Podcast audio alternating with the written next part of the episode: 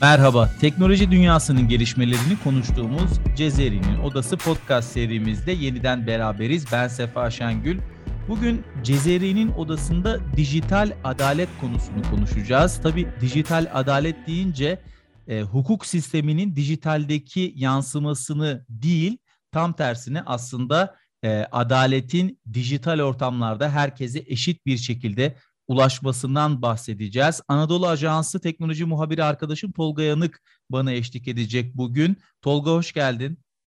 Hoş bulduk Sefa.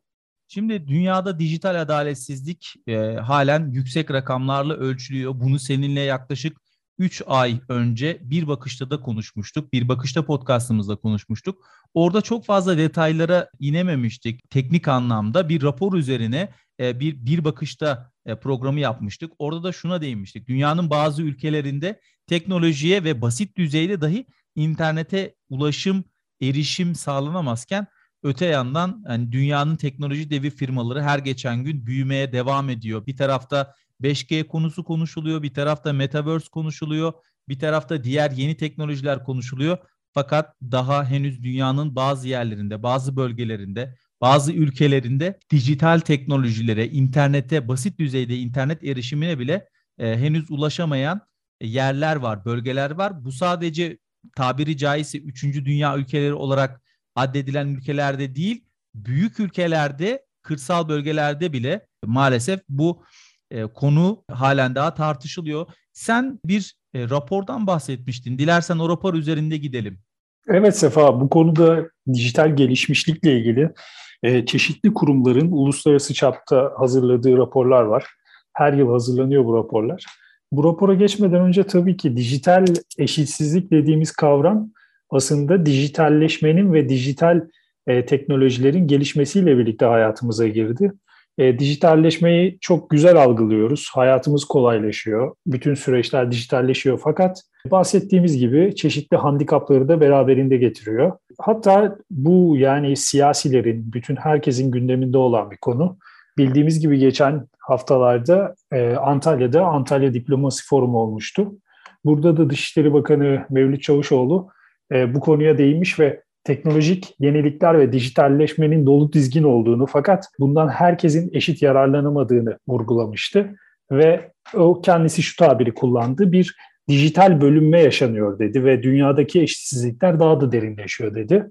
E, bu da siyasilerin de bu konuda gerçekten farkında olduklarını ve konunun çok yönlü bir konu olduğunu ortaya koyuyor.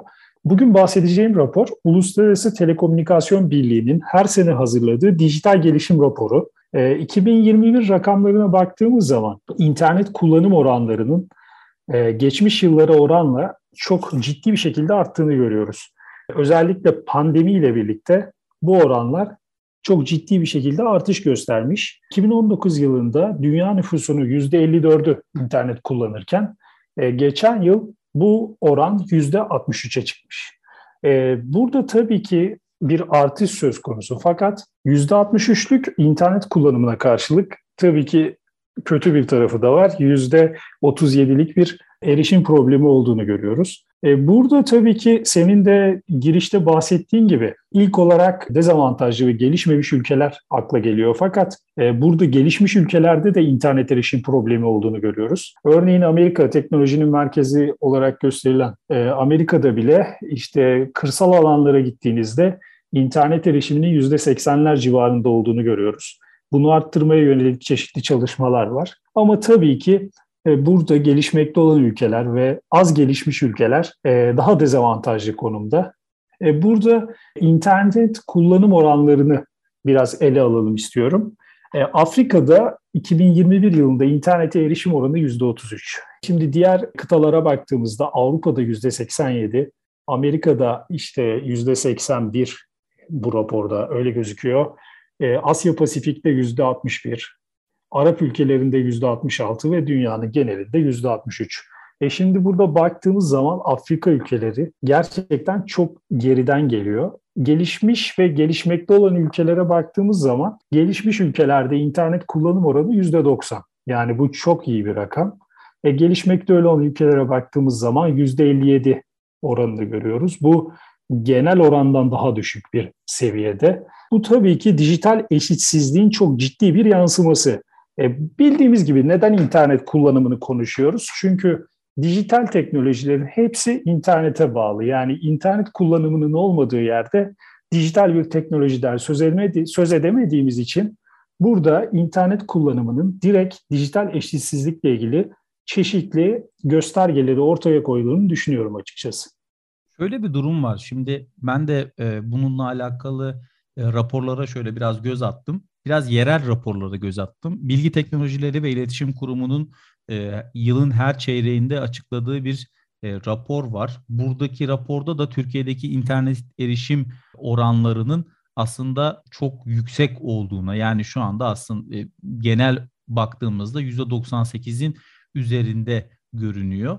E, yine tabii büyük şehirlerdeki altyapı çalışmaları tamamen tamamlanmış ve yenilenmek üzere devam ediyor. Orada tabii fiber altyapı, daha da güçlendirilmiş altyapı baktığımız zaman. Şimdi bu tamamen internet dediğimiz şey altyapıyla gelen bir şey. Peki bu altyapı sorununu çözmek için devletler neler yapmalı? Örnek veriyorum Afrika'daki ülkelerde, Afrika kıtasında bulunan ülkelerde şimdi bakıyoruz temel ihtiyaç düzeyindeki birçok problem göz önüne çarpıyor. Bu sadece Afrika'da değil Asya'da da aynı şekilde. Hatta Güney Amerika'daki bazı ülkelerde dahi e, bu problemler var. E, bunun yanında devlet, kamu bir anlamda buraya e, internet götürmek yerine e, tabii ki oradaki temel ihtiyaçları öncelikle düzenlemek zorunda ama işimiz biraz daha teknoloji ve gündemi günceli yakalamak için bunu konuşmak durumundayız şu anda. Bir proje vardı, Elon Musk'ın bir projesi vardı. Ondan bahsetmiştin. Yani bu e, dijital adaletsizliği önlemek için neler yapılabilir? E, bunun gibi hangi projeler var? Dijital medya firmaları veya bununla alakalı neler yapılabilir? Hangi çalışmalar yapılıyor şu anda dünyada? Şimdi Sefa şöyle bu çok yönlü bir problem aslında. Tabii ki çeşitli çalışmalar yapılıyor. Yani teknolojinin bugün önde gelen firmaları ve o firmaların kurucularının çeşitli vakıfları var. E, Bill Gates'in kendi şahsi bir vakfı var. E, bu konularla dünyadaki pek çok konuyla ilgili çalışmalar yapıyor. İşte Vietnam'da olsun, dünyanın farklı ülkelerinde olsun e, buraya çeşitli bilgisayar bağışları, internet bağlanmak için gerekli ekipmanlar desteği bunlar çeşitli ülkelere veriliyor. E tabii ki ama burada şöyle bir nokta var. Dediğin gibi özellikle Afrika kıtasına baktığımız zaman çok temel ihtiyaçları bile erişimin e, sıkıntılı olduğunu görüyoruz. Yani bugün sadece Afrika'da değil, e, dünyanın pek çok e, yerinde, savaş bölgelerinde yaşayan çocukların, gençlerin, insanların e, çok ciddi e, şekilde temel ihtiyaçlara bile erişemediğini görüyoruz.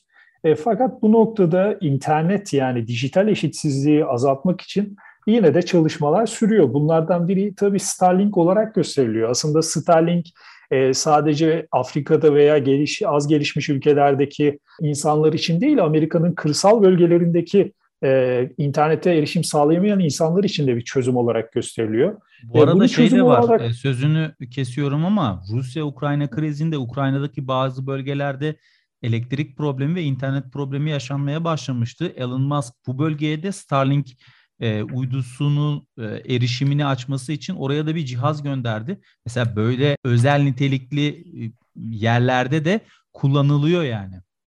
Tabii ki yani orada mesela senin verdiğin örnek çok güzel bir örnek.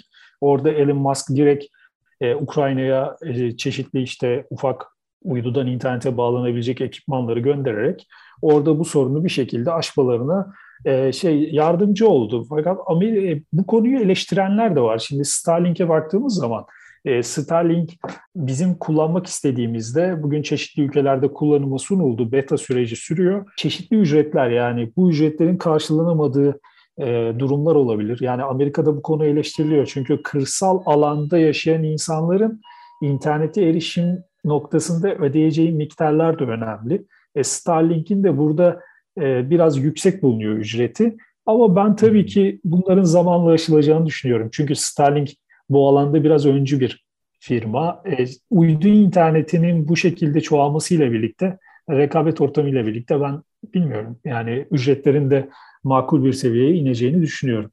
Peki daha önce bununla alakalı bir Avrupa ülkesinde e, şöyle bir şey çıkmıştı. Yani internet, elektrik gibi, su gibi bir birincil ihtiyaç mıdır? Yani mesela bu soru üzerinden çok tartışılmıştı. İnternet erişimini elektrik gibi, su gibi temel hak olarak yani herkese ulaştırılması gereken bir hak olarak görülüyor. Ama işte bu tartıştığımız meselede dijital adaletsizlik e, meselesinde bir taraf çok iyi gelişirken bir taraf insani haklarını dahi dediğim gibi temel düzeyde ihtiyaçlar karşılanmıyor.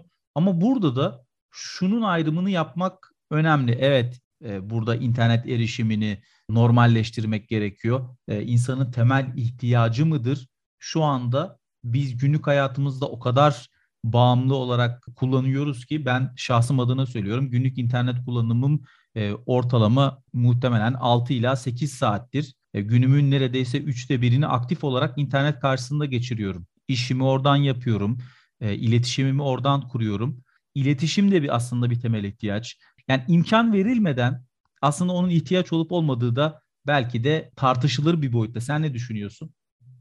E tabii ki Sefa şimdi e, baktığımız zaman e, temel barınma ihtiyacı olsun, e, gıdaya erişim bunlar çok hayati meseleler. Fakat senin de söylediğin gibi artık e, günümüz dünyasında iletişim de artık bir temel ihtiyaç. Neden? Çünkü iletişim araçları, dijital teknolojiler artık hayatımızın her alanında ve bugün çocukların eğitiminde, gençler e, bugün eğitim süreçlerinde çok aktif bir şekilde dijital teknolojileri kullanıyorlar ve bu teknolojileri kullanamayan, bunlara erişemeyen çocukların ve gençlerin e, çok ciddi bir şekilde dezavantajlı olduklarını görüyoruz. E, bugün pandemi süreci tabii ki bunu daha çok belirginleştirdi. Pandemiyle birlikte hepimizin bildiği gibi eğitim süreçleri online olarak dersler işlendi. E, bunun yanı sıra aktiviteler online yapılmaya başladı e, ve çocukların çoğu tabletlerle artık e, derslerini takip etmeye başladı. Siz böyle bir ortamda eğer teknolojiye erişmekte sıkıntı yaşıyorsanız çocuğunuz da çok dezavantajlı kalıyor. E bu noktada tabii ülkemiz diğer ülkelere oranla çok çok iyi durumda. Devletimiz bu konuda gerek tablet dağıtımı olsun, gerek internete erişim noktasında olsun, gerek bu ders içeriklerinin televizyonlar, televizyon kanalları üzerinden yayınlanması olsun e, burada çok yönlü bir stratejiyle bu sorunu e, yaşamadan ve vatandaşlarına yaşatmadan yönetti. Ama tabii ki gelişmemiş ülkelere baktığımız vakit e, durumun böyle olmadığını çok rahatlıkla söyleyebiliriz. E, bu noktada tabii yapılacak çok şey var. Yani özellikle gençlerin tabii ki internet bağlantısına erişmesi çok çok önemli. Ama şimdi dijital eşitsizlik dediğimiz zaman insanların aklına direkt olarak şu gelebilir ekonomik anlamda dezavantajlı olanların çeşitli imkanlara ulaşamaması olarak değerlendirilebilir. Fakat dijital eşitsizliğin bir de bir diğer tarafı var. Diğer tarafta şu, e, ekonomik anlamda imkanlara sahip fakat dijital teknolojilerin kullanım bilgisine sahip değil. E, burada evet, tabii ki önümüze önemli. ilk olarak evet e, yaşlı insanlar görüyoruz. Yaşlı insanlar bu konuda biraz dezavantajlı olarak değerlendiriliyor.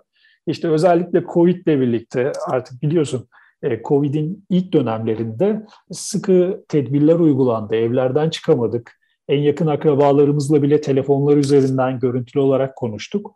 E, bu noktada yaşlılar tabii hepsi için söylemek çok zor. Teknolojiyi çok iyi kullanan yaşlarımız olduğunu biliyoruz. Fakat genel anlamda gençler bu konuda daha mahir. E, burada dijital adaletsizlik, dijital eşitsizlik ve dijital bölünme yaşlıları biraz daha fazla etkiledi. E, bu noktada da tabii yaşlıların teknoloji, dijital okur yazarlığını arttırmaya yönelik de çok çeşitli programlar uygulanıyor. Ben bu konuda ülkemizin de açıkçası iyi olduğunu düşünüyorum. Evet yani dijital adaletsizlik deyince sen de çok güzel özetledin. E, dijital okur yazarlık konusu. Yani bazen ulaşabildiğiniz zaman da sıkıntı çekebilirsiniz ama ben yine bir, bir adım daha geriye e, götüreceğim seni. Basic Internet Foundation var. E, bu uluslararası bir dernek. O mesela işte Kenya'da 45 tane okulda 27.501 öğrenciyi geçen yıl e, internetle buluşturdu ve oradaki eğitimin kalitesiyle alakalı e, bir araştırma yaptı ondan onun üzerine de. Yine bu araştırmanın sonucunda çocukların eğitim kalitesinde çok hani bir değişim olmadığını fakat bunun meyvesinin aslında daha sonra alınacağını yani bu bir fişi bir prize takmak kadar hani kısa bir sürede oluşabilecek, dönüşebilecek de bir şey de değil. Siz e, bir yere internet ulaştırabilirsiniz, dijital okuryazarlığı verebilirsiniz ama bunun sonucunu da hemen alamazsınız. Bazıları için çok uzun zaman önce aşılmış bir şey var. Fakat orada işte bu Kenya'daki 27.500 öğrenci belki bunlar e, buradan kısmi olarak farklı şeylere ulaşabilecekler. Artık dünyayla daha fazla entegre olup belki de ileride e, dijital projelerin oluşturucularından, yaratıcılarından bir tanesi olacaklar. Hani bu işi biraz da böyle bir uzun vadeli olarak görmek lazım. Tabii burada sivil toplumun üzerine de çok fazla görev düşüyor. Sivil toplum kuruluşlarının özellikle bu alanda internet erişimi hakkında tekrar başa döneceğim ama e, elektrik gibi, su gibi bir e, günümüz için söylüyorum önemli bir baş e, karakter olduğunu, hayatımızın çok önemli bir noktası olduğunu da artık biraz yavaş yavaş belki de bizim de kabullenmemiz lazım. Tabii ki dijital teknolojilere ulaşmanın, dünyayla iletişim kurmanın da çok önemli olduğunu söyleyebiliriz bence. Kesinlikle ben de böyle düşünüyorum. Bir de tabii ki dijital teknolojiler dediğimiz zaman bugün sosyal medya platformları bildiğin gibi yani bu konuda çok öne çıkıyorlar ve e, insanların fikirlerini ifade etmelerinde ve e, dijital adaletsizliği yani dijital ortamda ifade özgürlüğünü sağladıklarını söylüyorlar. E tabii ki bu bir kısmıyla doğru fakat e, bugün mesela önümde şu anda rakamlar var. Aktif sosyal medya kullanıcı oranlarına baktığımız zaman tabii ki iyi ülkeler var. Bunlardan biri bizim ülkemiz. E, Türkiye'nin e, aktif sosyal medya kullanım oranına baktığımız zaman %80,8 oranı karşımıza çıkıyor. Bu çok ciddi bir rakam. E, fakat dünya ortalamasına baktığımız zaman dünyada aktif kullanıcı sosyal medyadaki aktif kullanıcı sayısı %58,4. Yani dünyanın hala yarısı sosyal medyada aktif değil. E şimdi böyle baktığımız zaman dijital eşitsizliğin bir yansıması da burada. E, mesela sen Kenya'dan örnek verdin. Kenya'da aktif sosyal medya kullanıcı sayısı %21. Yani 10 kişiden sadece ikisi e, sosyal medya kullanıyor. Orada aktif bir şekilde paylaşım yapıyor. Evet. Yani erişebiliyor.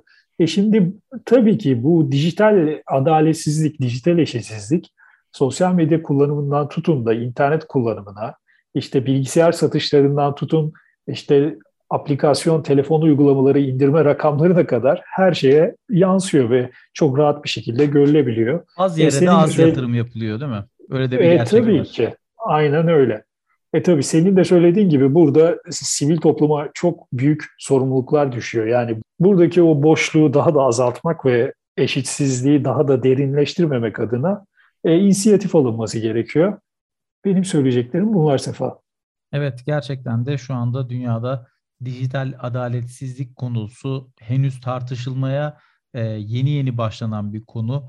Dünya son dönemde gerçekten e, zor e, süreçlerden geçti son iki yıllık pandemi süreci ve şu andaki yine çatışmalar tabii daha öncesinde dünyanın belki de gözlerini kapattığı yerlerde de çatışmalar devam ediyordu.